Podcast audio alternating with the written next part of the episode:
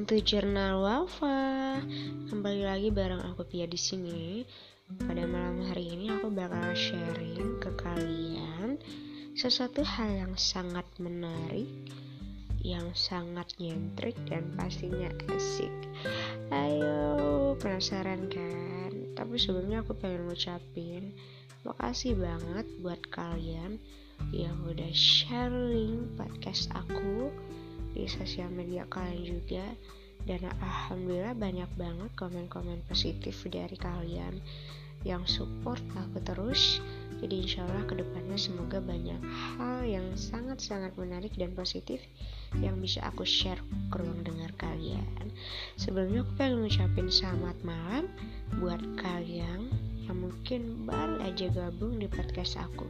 Semoga kalian suka dan kalian tetap support terus ya podcast aku Oke, okay, dan malam hari ini aku pengen sharing ke kalian tentang sesuatu hal yang tidak jauh-jauh dari kehidupan kita dan itu menjadi sesuatu hal yang sangat penting dan berarti banget.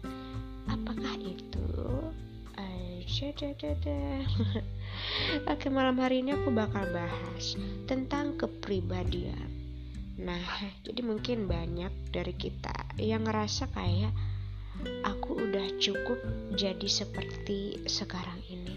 Aku nggak perlu lagi untuk berubah, bahkan aku nggak butuh saran-saran dari orang lain untuk memperbaiki diri aku. Banyak pastinya, sebagian dari kita pasti pernah ngerasain hal-hal seperti itu. Nah, jadi kenapa malam hari ini aku tertarik untuk membahas itu? Karena aku udah ngeliat di sekeliling aku, orang-orang terdekat aku, bahkan juga orang yang tidak aku kenal, banyak sekali yang ngerasa hal-hal seperti itu wajib untuk kita bicarakan. Karena pada saat ini, sebagian dari kita tuh ngerasa sudah cukup sudah cukup. Tidak perlu ada perubahan-perubahan yang berarti dalam diri kita. Padahal itu salah. Kenapa?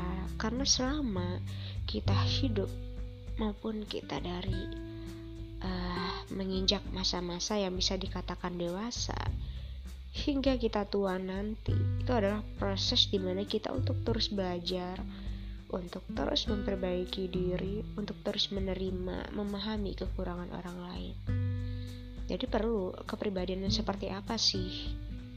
Kalau secara teoritis, kepribadian itu ada empat. Ada tipe sanguinis, ada tipe pragmatis, ada tipe koleris, dan juga ada tipe melankolis. Tapi pada malam hari ini aku nggak pengen bahas hal-hal yang terlalu teoristis seperti itu. Tetapi aku bakal bahas hal-hal yang gak jauh-jauh dari lingkungan kita. Jadi terkadang kepribadian yang kita hadapkan pada keseharian itu adalah kepribadian yang saat ini kita sudah ngerasa bahwasannya diri kita sudah cukup baik. Padahal hal-hal seperti itu yang harus kita buang. Kita harus selalu melulu memperbaiki diri kita. Apa-apa yang sudah pernah kita lakukan, kita jadikan itu sebagai suatu pelajaran, sebagai suatu tolak ukur yang memang benar-benar membuat kita membuka mata untuk terus memperbaiki untuk memperbaiki diri kita itu nggak ada batasannya. Jadi sampai kapan pun proses itu selalu ada. Jadi jangan pernah ya kalian tuh berpikir bahwasanya udah aku cukup sampai di sini dan aku nggak perlu untuk berubah lagi. Ya aku emang seperti ini apa adanya ya kamu harus terima. No bukan seperti itu. Kita harus memiliki kepribadian yang benar-benar luas untuk belajar Meskipun kita masuk ke kepribadian melankolis atau kita masuk ke kepribadian sanginis, pragmatis atau koleris, lepas dari teori itu semua, kita kembalikan lagi ke diri kita. Apa kita semudah itu untuk menerima keadaan?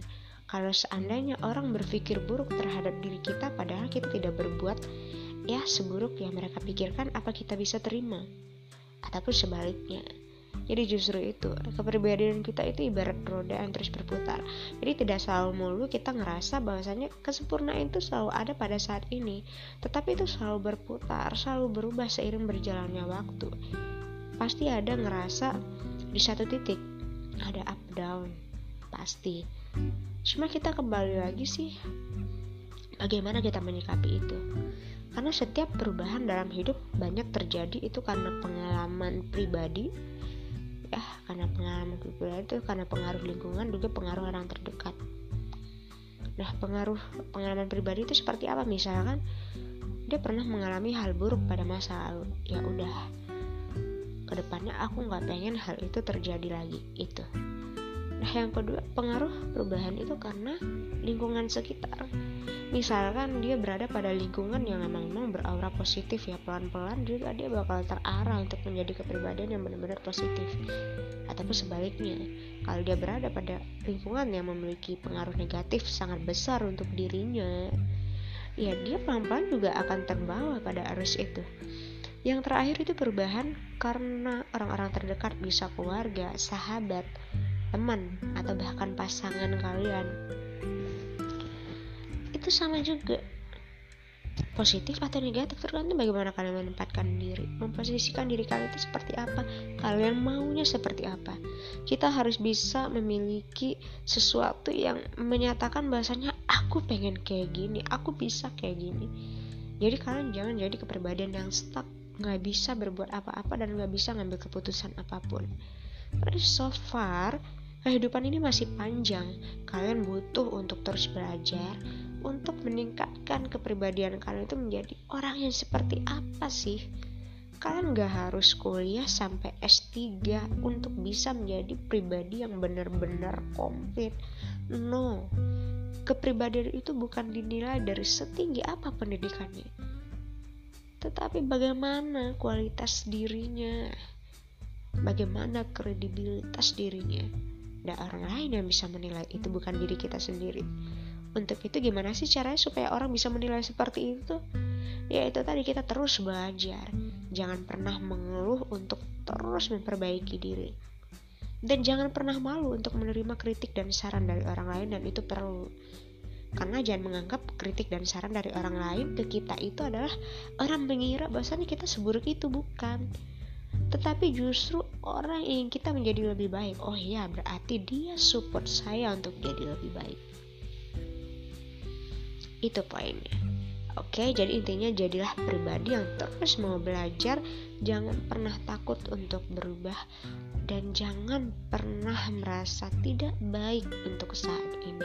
Sementara padahal kamu sudah jauh lebih baik daripada yang dulu. Oke, kayaknya cukup itu aja sharing aku pada malam hari ini. Mungkin besok aku bakal sharing lagi ke kalian karena memang beberapa hari ini aku sedikit disibukkan oleh aktivitas aku secara offline jadi mungkin nanti aku bakal sapa kalian lagi dengan hal-hal ya yang pastinya bikin kalian gak pernah bosan untuk terus station di podcast aku. Sebelumnya thank you, aku ucapin selamat malam, selamat uh, beristirahat ya, selamat menikmati uh, cuaca dingin ini di pekan baru sangat-sangat dingin banget karena seharian hujan dari pagi. Karena suara aku juga sedikit bendang karena memang lagi flu juga. Oke, jadi buat kalian tetap semangat dan tetap semangat. Dan tetap semangat. Oke bye bye